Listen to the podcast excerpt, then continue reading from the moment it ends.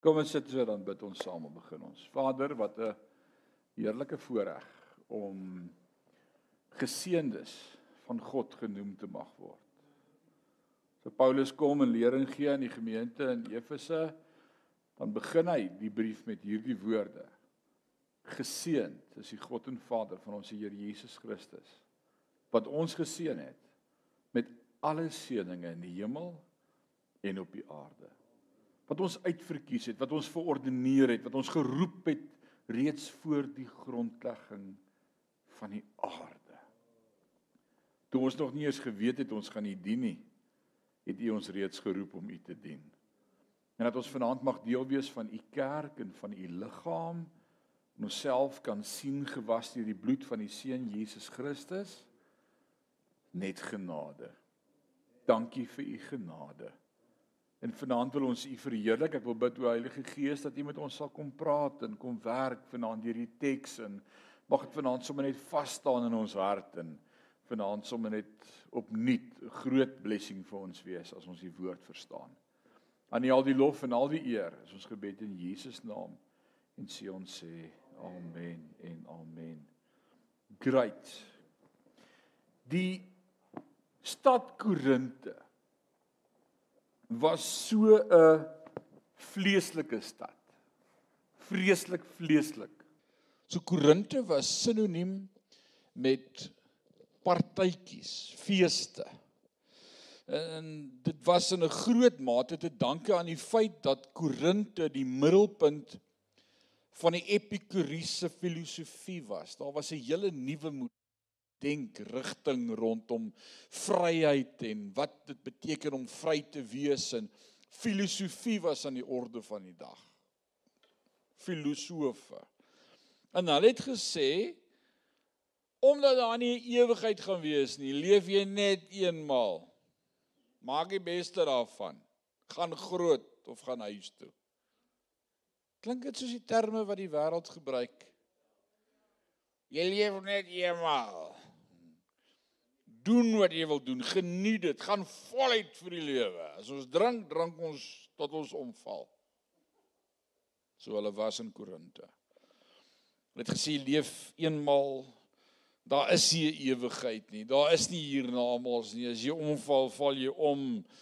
So eet, drink, wees vrolik en leef voluit was die verstaan van Korinte. So, hoekom ek dit vir jou noem is dat jy die hele tyd onthou as Paulus goed aanspreek in die gemeente, die gemeente kom uit hierdie gemeenskap uit en dit was wat die gemeenskap geglo en geleef het. So hulle dalk hulle harte al vir die Here gegee, maar daar's daai konsep van my verstaan van ewigheid is ek leef nie een keer. So Paulus het 'n paar goed wat hy moet regwys in die gemeente rondom die verstaan die gemeenskap. 'n Deel van hierdie epikuriese mentaliteit het in die kerk ingekom en dit geïnfiltreer spesifiek daar was diegene in die kerk wat geleer het dat daar geen opstanding uit die dode gaan wees nie. Dis 'n mite. Ja, Christus wees 'n Christen. Glo in Jesus. Glo dat daar verzoening was in die kruis en dat hy vir die sonde van die mensdom betaal het, maar opgestaan weet jy. Dit klink onmoontlik dat Christene so kan glo, is dit nie so nie? Ek wil nie jou tyd mors om eendag vir jou vir ure besig te hou en video's te wys van ons eie filosofe in Suid-Afrika wat in beheer is van teologiese fakulteite by universiteite wat uitlatings maak soos Laat Christus in jou hart leef. Want die feit dat hy opgestaan het is net 'n mite. Maar maak die woord waardeur om in jou hart te laat opstaan. Want is alwaar hy gaan opstaan. Wat van sy liggaam geweet het, weet ons nie wat geword het nie. Dalk het die honde dit selfs opgevreet en verskeur.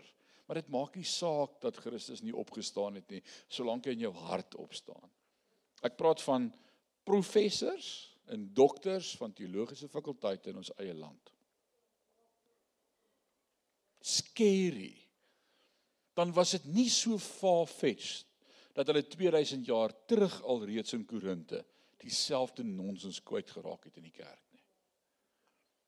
En daarom sê die woord pas op in die laaste dae sal hulle hulle predikers bymekaar maak wat gaan sê wat hulle wil hoor. Hulle gaan hulle streel op die gehoor. Ons bly by die leer wat die Bybel ons leer. Alraight. Paulus pak juis hierdie kwessie nou aan in hoofstuk 15. Baie welkom. Jammer ons is so 'n bietjie voor julle.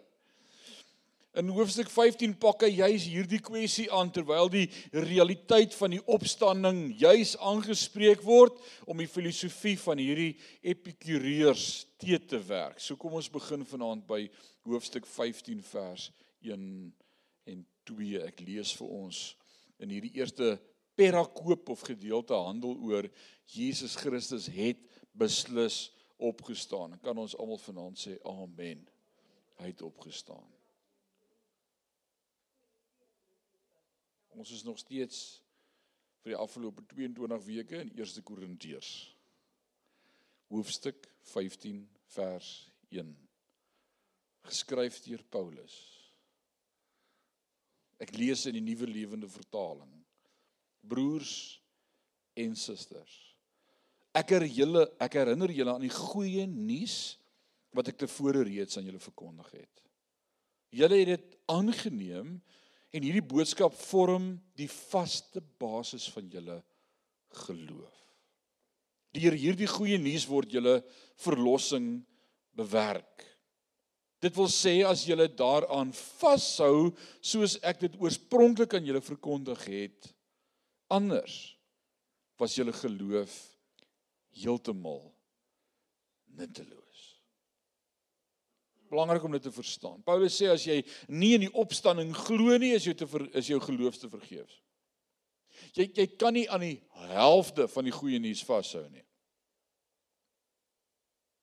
Dink bietjie daaroor. My pa het altyd dit gesê toe ek in die huis was. Hy het gesê 'n halwe waarheid is 'n volle leuen. Ja, oor gedink. Partykeer skie mos jy vir iemand net die helfte van die feite. Jy lieg nie. Jy sê net die hals nie. Die helfte van die waarheid. Maar dis 'n volle leuen. En nou sê Paulus as jy nie die volle boodskap van die goeie nuus die evangelie vat nie. As jy selektief net hier en daar is jy besig met 'n leuen. Want dis nie die volle waarheid nie. Die volle waarheid is Christus is vir ons gebore as God Johannes 1:1 in die begin was God.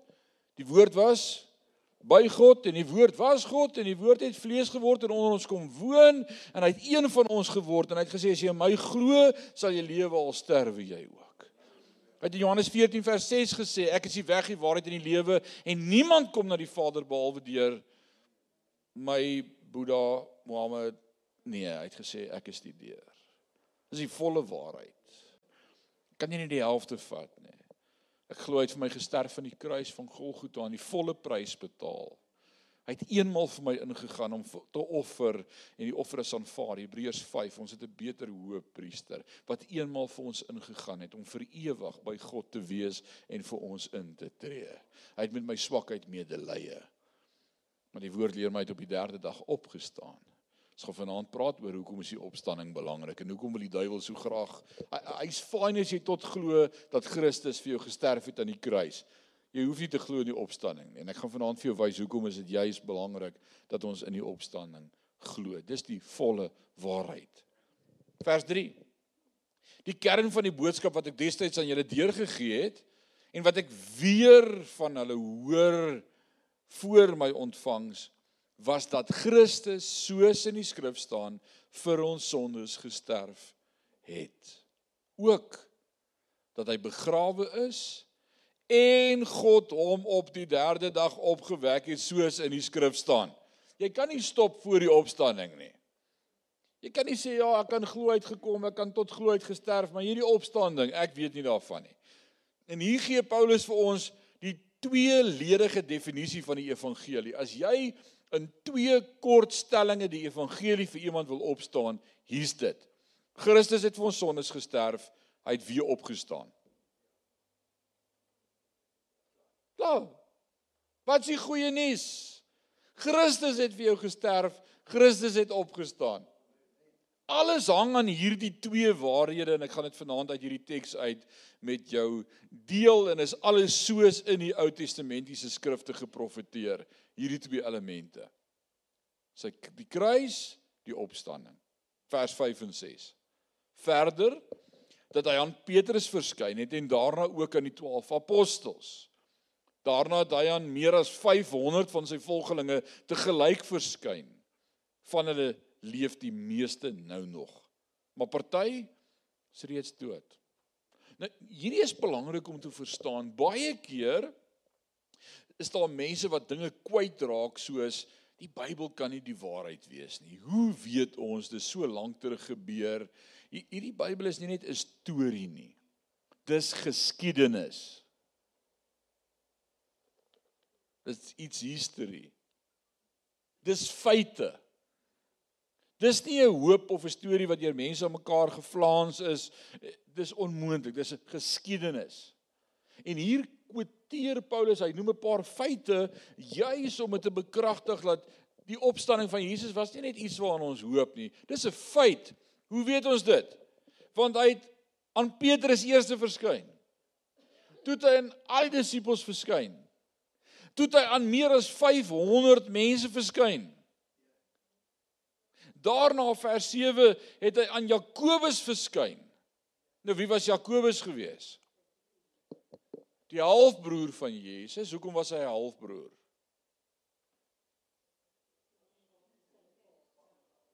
Hy het nie dieselfde pa gehad nie. Wat het van Josef geword? Hy moes dood wees. Hy het gesterf. En toe trou Maria weer. En toe staan nog seuns gebore. Hallo tannie Babs.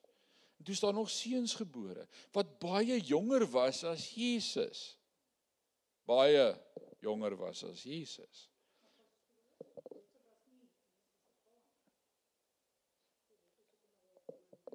Nee.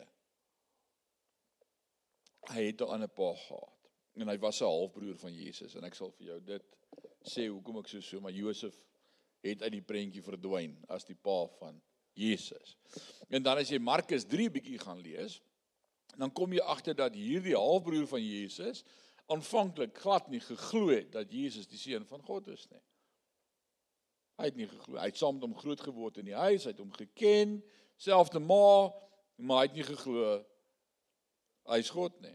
Maar na die opstanding het Jakobus egter so heeltemal verander van sy plan dat hy een van die leiers van die vroeë kerk geword het. Nou sê ek een ding.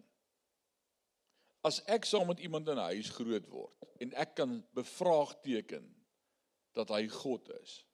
En ek kan sê maar jy het saam gelieg, jy het saam gerook agter die kraalmuur, jy het saam dinge aangevang, jy was saam Sondag, daar's nie 'n manier nie. Maar as daar juis een is wat sal weet, dan is dit juis jou familie, is dit nie want hulle ken jou beter. En die feit dat Jakobus vir Jesus erken as die seun van God. Hoeveel te meer moet ek? Hæ? Jy al oor gedink. Dis amazing. En dan sê hy in vers 8 vers 7 en 8 gaan hy aan sê hy en later aan al die apostels het hy weer verskyn. En die heel laaste van almal het hy ook aan my verskyn asof ek ontydig gebore is. Hy tot aan my verskyn. En dit was in die Arabiese woestyn dat Jesus vir Paulus geleer het, né? Ons leer dit hoe hy die Ou Testamentiese tipes en prente almal praat van Jesus. So Paulus was sterk daarop geleer. Wie het hom geleer? Jesus self. Yes, like this amazing.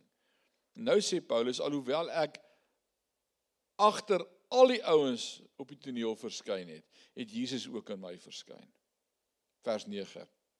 Ek is werklik waar die geringste van al die apostels een wat die naam van apostel nie werd is nie omdat ek God se kerk vervolg het. Kan jy onthou hoe Paulus die kerk vervolg? Ons leer dit daarby Stefanus reeds in Handelinge lees ons daardie gedeelte waar Paulus almal se baadjies vasgehou het want hulle wou nie hulle baadjies laat vuil word toe hulle klippe gooi nie en hulle Stefanus dood gegooi met klippe. Want Paulus het gesê volgelinge van Christus moet sterf. Hy het hulle vervolg en nou sê hy omdat ek die kerk vervolg het was ek nie regtig enigsins werd of waardig om 'n volgeling van Jesus te word nie. Maar hy het my kom haal. So Paulus was een van die eerste ouens wat genade verstaan het en gesnap het want hy dit nie verdien nie.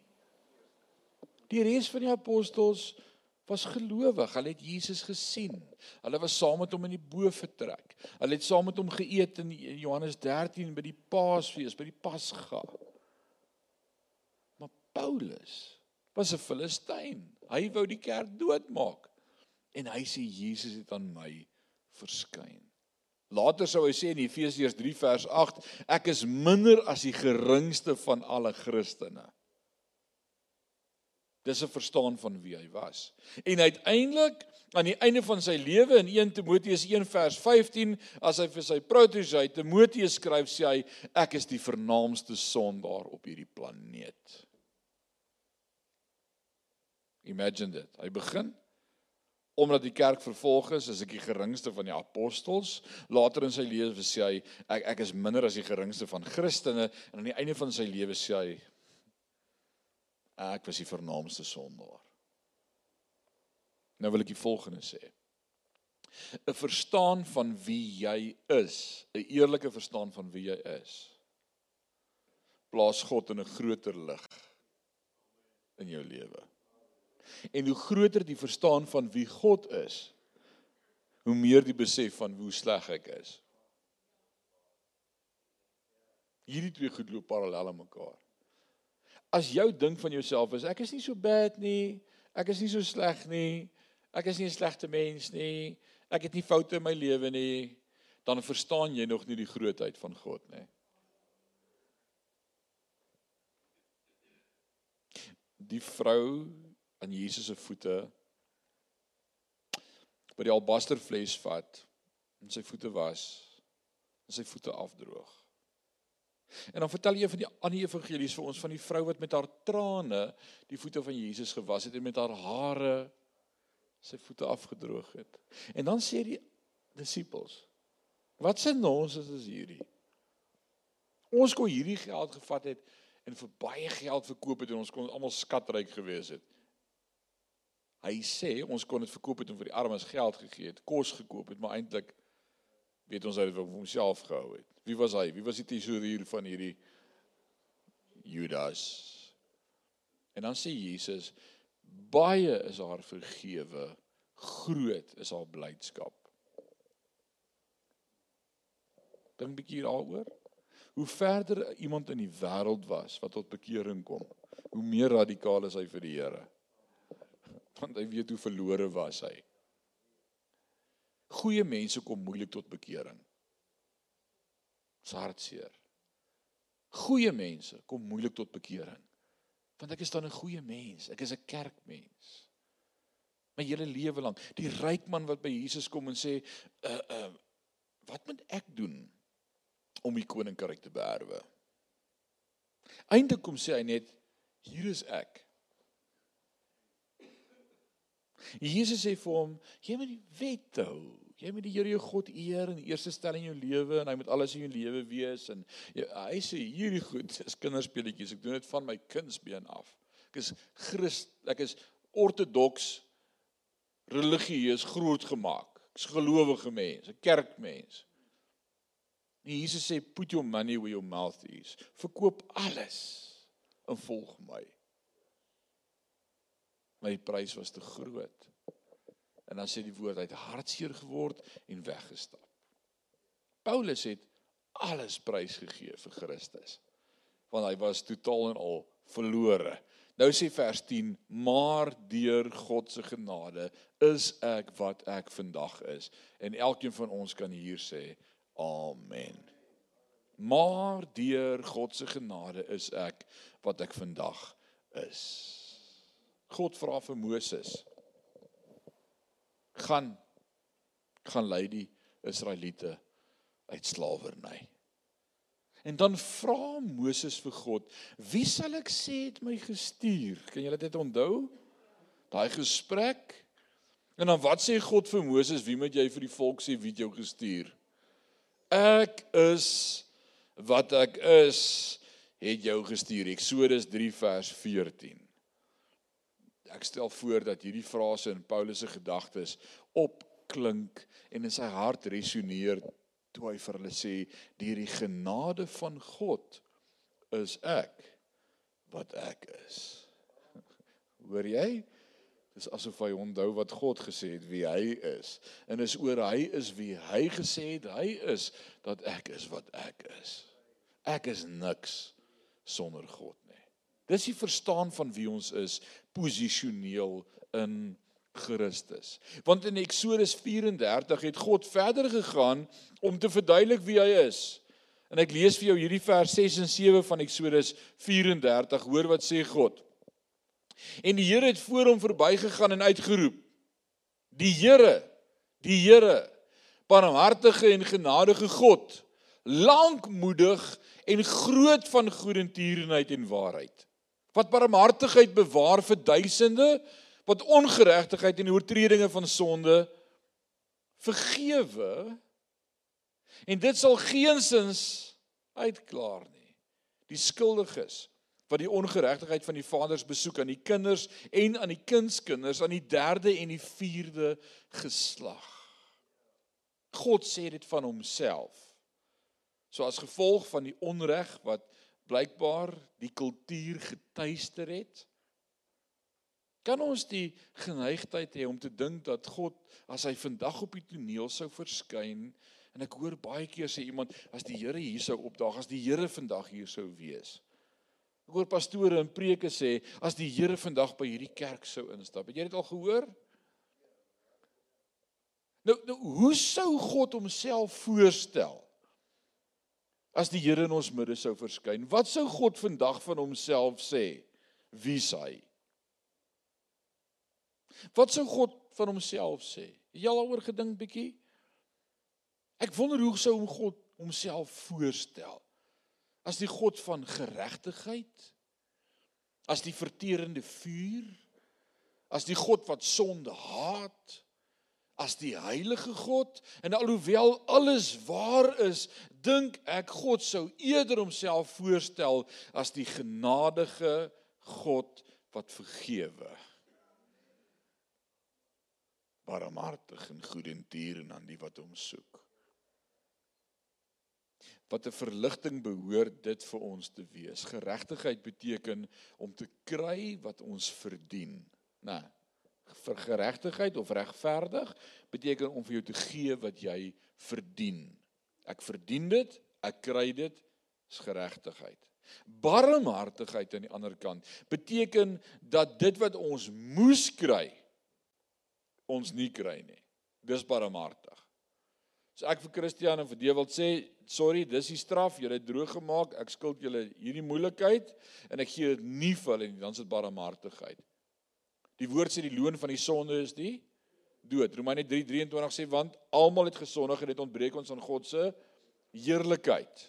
Almal van ons verdien die dood. Barmhartigheid sê jy verdien dit, maar ek gaan dit nie vir jou gee nie. So God is 'n barmhartige God. Dis great. Maar maar kom ons gaan vanaand verder as net barmhartigheid. God is 'n genadige God. Genade gaan selfs nog verder as dit want genade beteken om seëninge te gee waar dit nie verdien word nie. So God gee vir my wat ek verdien. Hy is regverdig. Hy's barmhartig, die straf en die loon van sonde wat ek moes kry, gee hy nie vir my nie. Hy's barmhartig, maar hy's so genadig dat hy vir my seëninge gee wat ek nie verdien nie. Guns. Guns. En tog het God nie daar gestop nie.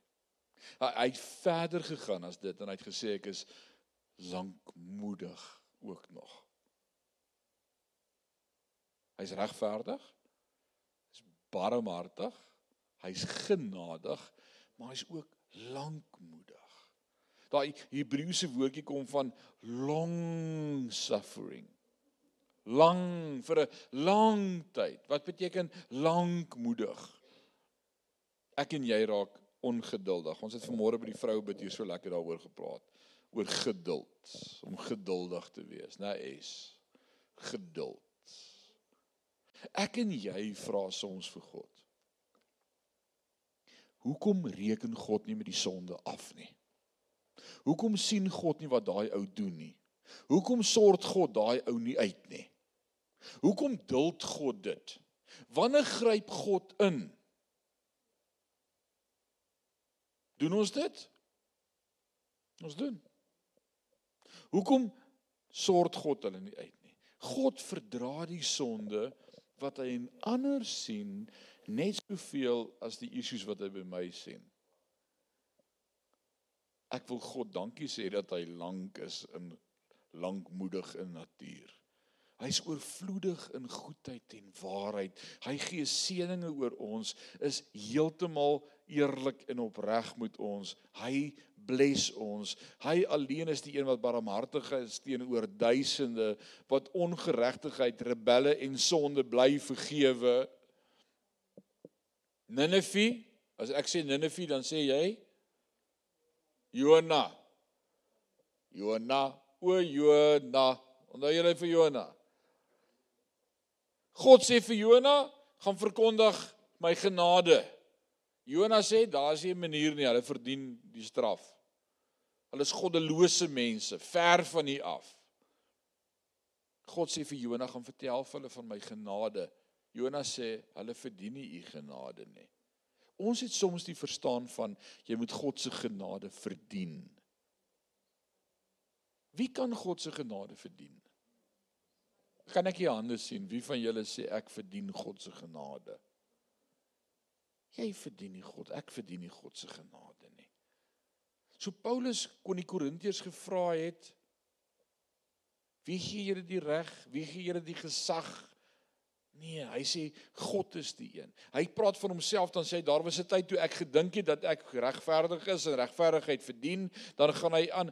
Hy sê in 'n ander plek in die Bybel, hy sê ek is immers gebore uit die stam van Benjamin op die 8ste dag besny, 'n fariseer van fariseërs, ywerig vir die wet, regverdig in my gedrag.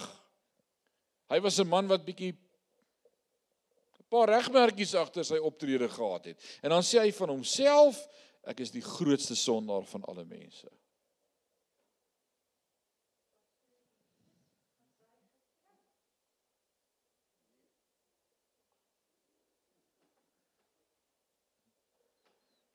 Spang ek antwoord verkeerd.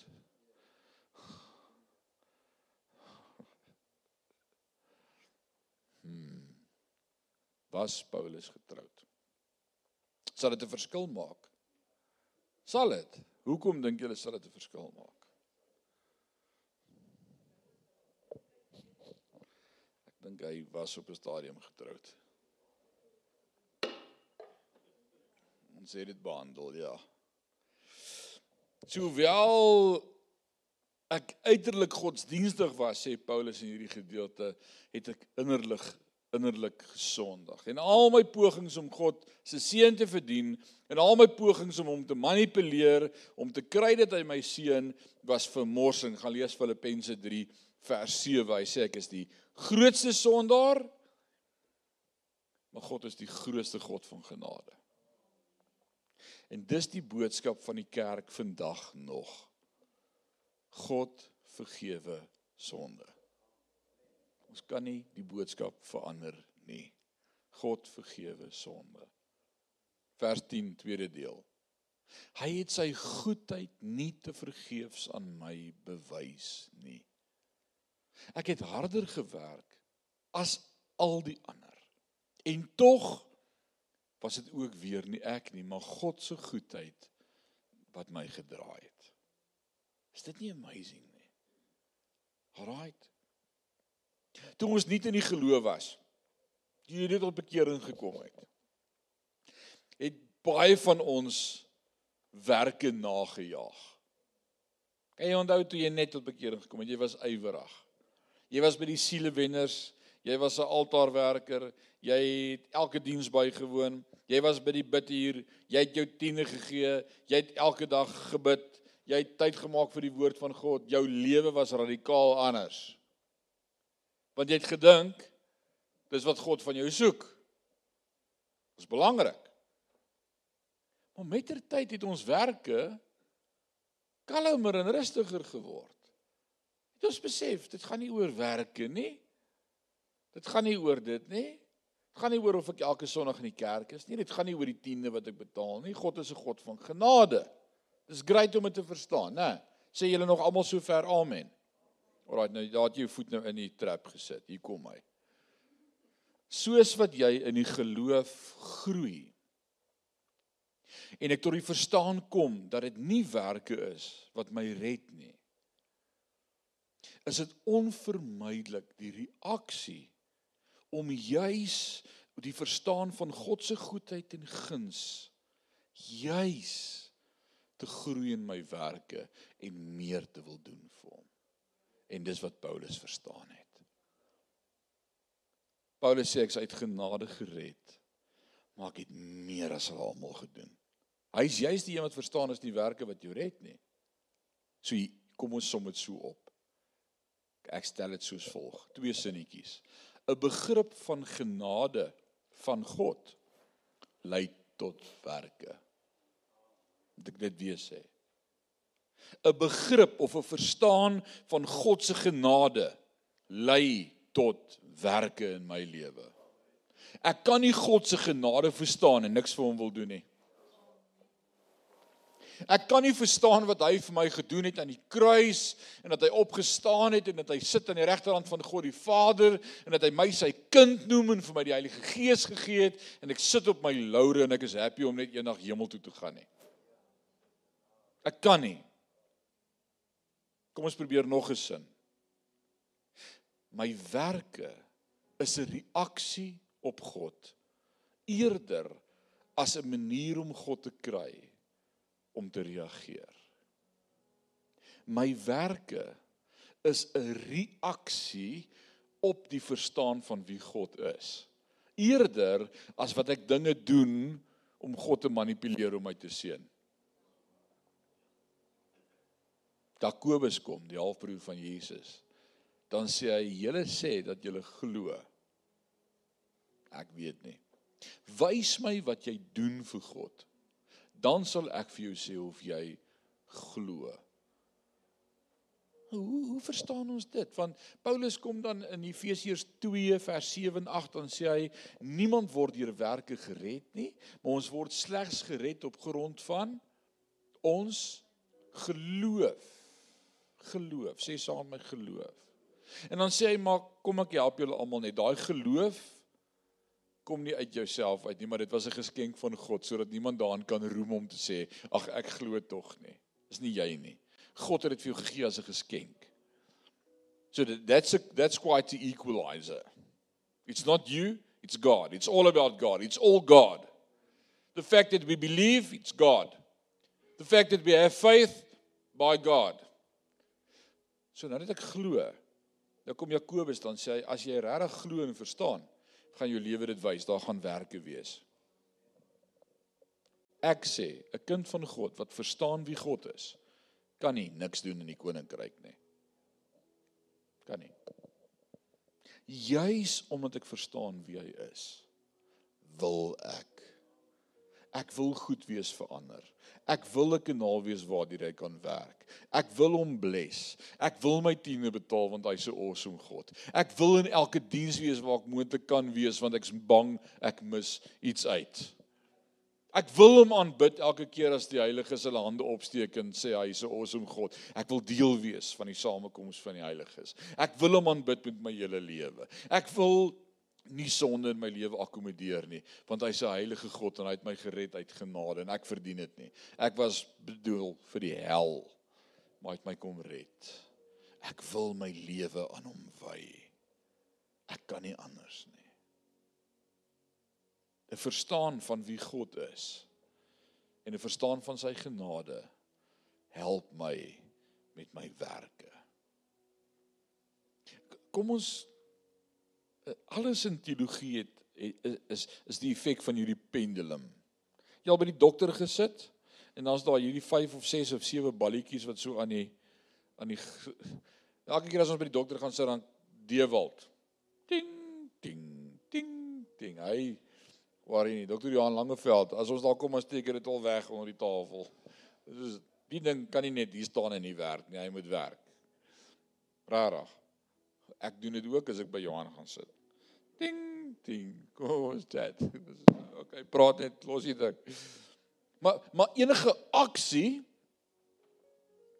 het 'n reaksie. Enige force wat ek insit het 'n return. Dit werk net so. 'n Aksie het 'n reaksie. Hier's die ander kant van die pendulum waarvoor ons moet versigtig wees. Wat as teologie verkondig word.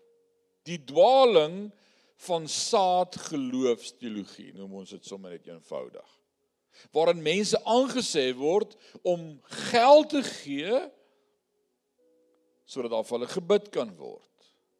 Om geld te gee sodat God hulle kan bless. Om geld te gee sodat God vir hulle 'n woord kan gee. Om te betaal om God se guns te beleef. En dis alledaags om ons. Dalk werk hulle selfs vir jou en hulle het so badge op wat sê Zulu Cricket Club. Het jy dit al gesien? Ek het inmiddels ZCC. Sommige een van die ouens. En en die ergste is die ZCC het voortgespring uit die herlewing uit van Azusa Straat waarvan die AGS gebore is. Ons het hulle geplant as 'n sendingaksie. En wat gaan doen hulle by Moria? Elke jaar as hulle in hulle duisende opgaan om te gaan bid. Ja, agterkom hoeveel R5 te maak hulle deur die jaar bymekaar? Nou gaan ek jou skok vanaand met iets wat ek gaan vir jou vertel. Dwars deur die jaar as jy hulle betaal, dan gaan hulle sê kan jy dit vir my R5 te gee? Kan jy hierdie geld net vir my? Hulle maak R5 te bymekaar. En dan vat hulle sakke vol R5 saam. Sakke van daai leier het vir hulle geleer dat na mate jy gee, gaan God jou bless. En dan doen hy die volgende, hierdie 44 gallon dromme wat se 210 liter het hy honderde van voor in sy tabernakel. En dan maak hy almal vol water voor die tyd. As hulle daar kom in daai auditorium, dan's al daai dromme vol water gemaak, gelyk En dan sê hy die volgende: Die seën wat jy in jou lewe gaan beleef in hierdie jaar, gaan die water, hoeveelheid van die water wees wat oor die drom uitloop as jy vir God insit. So hoe meer R5 jy insit, hoe meer water loop oor en dit bepaal die vrug in jou lewe en God se guns in jou lewe vir die jaar. So hoe meer seën jy wil hê, hoe meer moet jy insit. My vriend is een van die pastore in Polokwane van sy gemeentelede werk by die banke. Waar daar dan vir die volgende week die bank toegemaak word want hulle ry met interlinks die dromme R5 aan dat die bank dit kan tel. Miljoene rande se seën wat vir hulle beloof word. En God sê, al wat jy moet doen is vra Vra net.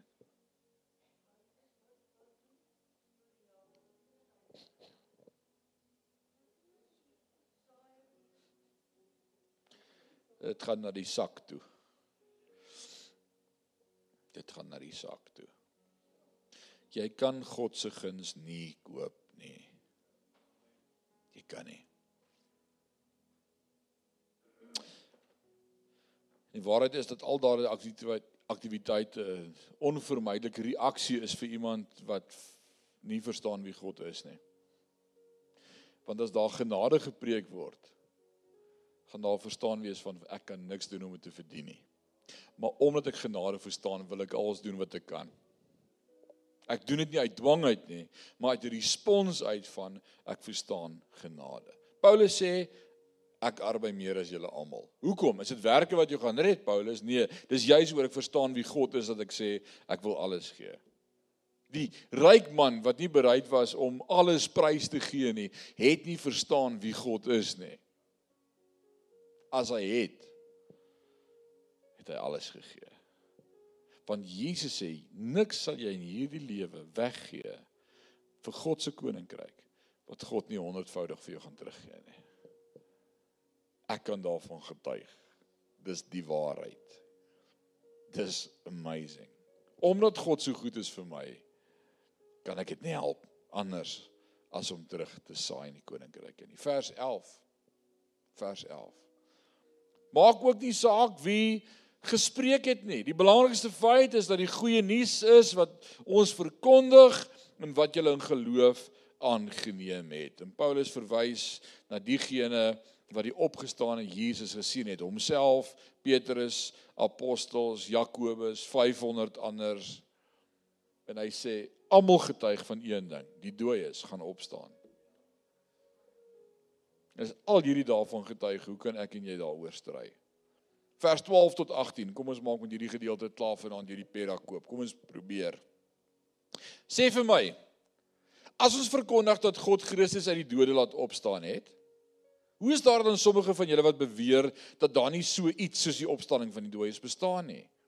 As daar werklik geen opstanding uit die dode is nie, dan is Christus ook nie opgewek nie. Maar as Christus nie opgewek is nie, sou dit beteken dat ons verkondiging geen substansie het nie en dat julle geloof ook platval. Dan sou ons as leenaars omtrent God aan die kaak gestel word. Dan het ons mos teen die waarheid van God ingetuig dat Christus opgewek is. Terwyl hy dit in werklikheid nie gedoen het nie. Dit wil nou sê as die dooies nie opgewek word nie. Ek sê weer, as die dooies nie opgewek word nie, dan is Christus ook nie opgewek nie. En as Christus nie opgewek is nie, dan is julle geloof waardeloos en is julle julle nog vasgegryp in julle sonde. In daardie geval is ook die wat in Christus gesterf het verlore. As die opstanding van Christus nie werklik is nie, beteken al die ander goed wat die duiwel jou laat glo, niks vir jou nie. En daarom is die duiwel om jy as jy glo die Here het vir jou gesterf vir jou sondes, het jou naam geskryf in die boek van die lewe, uh hy het gekom, hy was die seun van God, maar hy het nie opgestaan nie. Want daai een verkeerde glo maak al die ander goed wat ons bely null and void. Maar die opstanding is juis die bevestiging God het die offer aanvaar. Hulle sê vir Jesus, wys ons 'n teken dat u werklik die seun van God is. Wat sê hy vir hulle? Wat wat sê hy vir hulle? Hy sê een teken sal ek jou wys. Breek die tempel af en in 3 dae sal ek hom oprig. Johannes 2 vers 19. Houdini het beweer dat hy op sy 50ste herdenking van sy dood uit die dood sou terugkeer so op daardie stadium met 'n groep van sy volgelinge om die graf van San Francisco saamgedrom en gewag vir dat vir sy terugkeer. Hulle het gewag en gewag en gewag in hulle huis toe. Net Jesus het opgestaan uit die dode. En op 'n unieke manier staan hy op uit die dode. Baie mense raak allerlei dinge kwyt en maak aanspraak op alles, maar ons held, ons leier, ons Here Jesus Christus het oorwin. Hy het opgestaan. En sy offer was aanneemlik. As sy offer nie aanneemlik was nie, sou ons groot hoëpriester nooit op Paas Sondag uit die graf uit opgestaan het nie. Hy sou nie, maar die Vader het dit aanvaar. Nou hier's 'n mooi prentjie van die hoëpriester. Yom Kippur, een keer 'n jaar, Paasfees. Hy moet ingaan in die allerheiligste om te gaan offer. Julle weet dit mos. En wat sou hy gaan offer het daar in die allerheiligste? Wat het hy gaan offer? Wat het wat het hy gedoen? Hy het met 'n emmer bloed ingegaan wat van die koper altaar se diere wat geslag is en 'n hisop takkie En dan sal hy onder deur die voorhangsel kruip van net God is in die allerheiligste en dan sou hy sewe maal met die hisoptakkie bloed spat op die Wat is die deksel van die altaar genoem? Versoen deksel. Wat versoen daar? Dis waar Jesus vir ons verzoening sou doen by die Vader en die bloed van sy seun vir ons verzoening bewerk. Dit was 'n profesie van dit wat sou kom. En dan sou hy 7 maal op die versoendeksel met die bloed spat. Nou het jy al ek weet nie jy al bietjie met bloed gewerk. Het jy al 'n bietjie vleis bewerk by die huis of bees bewerk of geslag?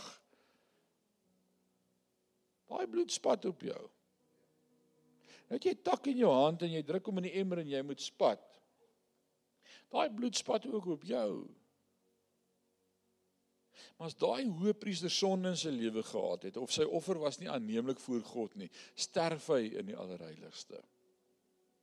Maar as hy daar uitgeklim het onder daai voorhangsel deur en sy kleed is vol bloed en hy sê die offer is aanvaar dan getuig hy dat die offer aanvaar is. Jesus, ons hoofpriester, se liggaam is vol bloed. En op die derde dag kom hy agter die voorhangsel terug. En hy sê luister, die Vader het die prys aanvaar. Dis die mooiste prentjie van die voor van die priester, die hoëpriester wat vir my en vir jou ingegaan het. Hy is ons hoëpriester. Ons maak klaar met vers 19. As ons egter op niks meer sou kon hoop as dat Christus se verskil sal maak aan die huidige lewe nie. Sou ons definitief die bejammeringswaardigste mense onder die son wees. Hoor mooi wat hy sê.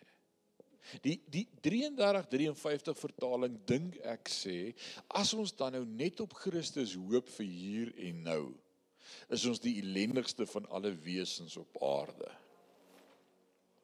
Dink aan jou eie lewe. Waarop hoop ons? Wat raak jy kwyt alles in 'n dag wat jy sê ek hoop? Ooh, ek hoop my hoop alleen is op Christus en op die toekoms en op 'n ewigheid saam met hom en op hiernamaals en dat hy sal regeer as koning oor die wêreld en dat elke knie vir hom voor hom sal buig en elke tong bely dat hy God is. Dis my hoop. Ek het 'n ewige hoop en die woord sê die hoop beskaam nie. En ons gebruik daai woordjie hoop so alledaags baie keer. Hoe lyk dit gaan jy dit maak? Ek hoop so.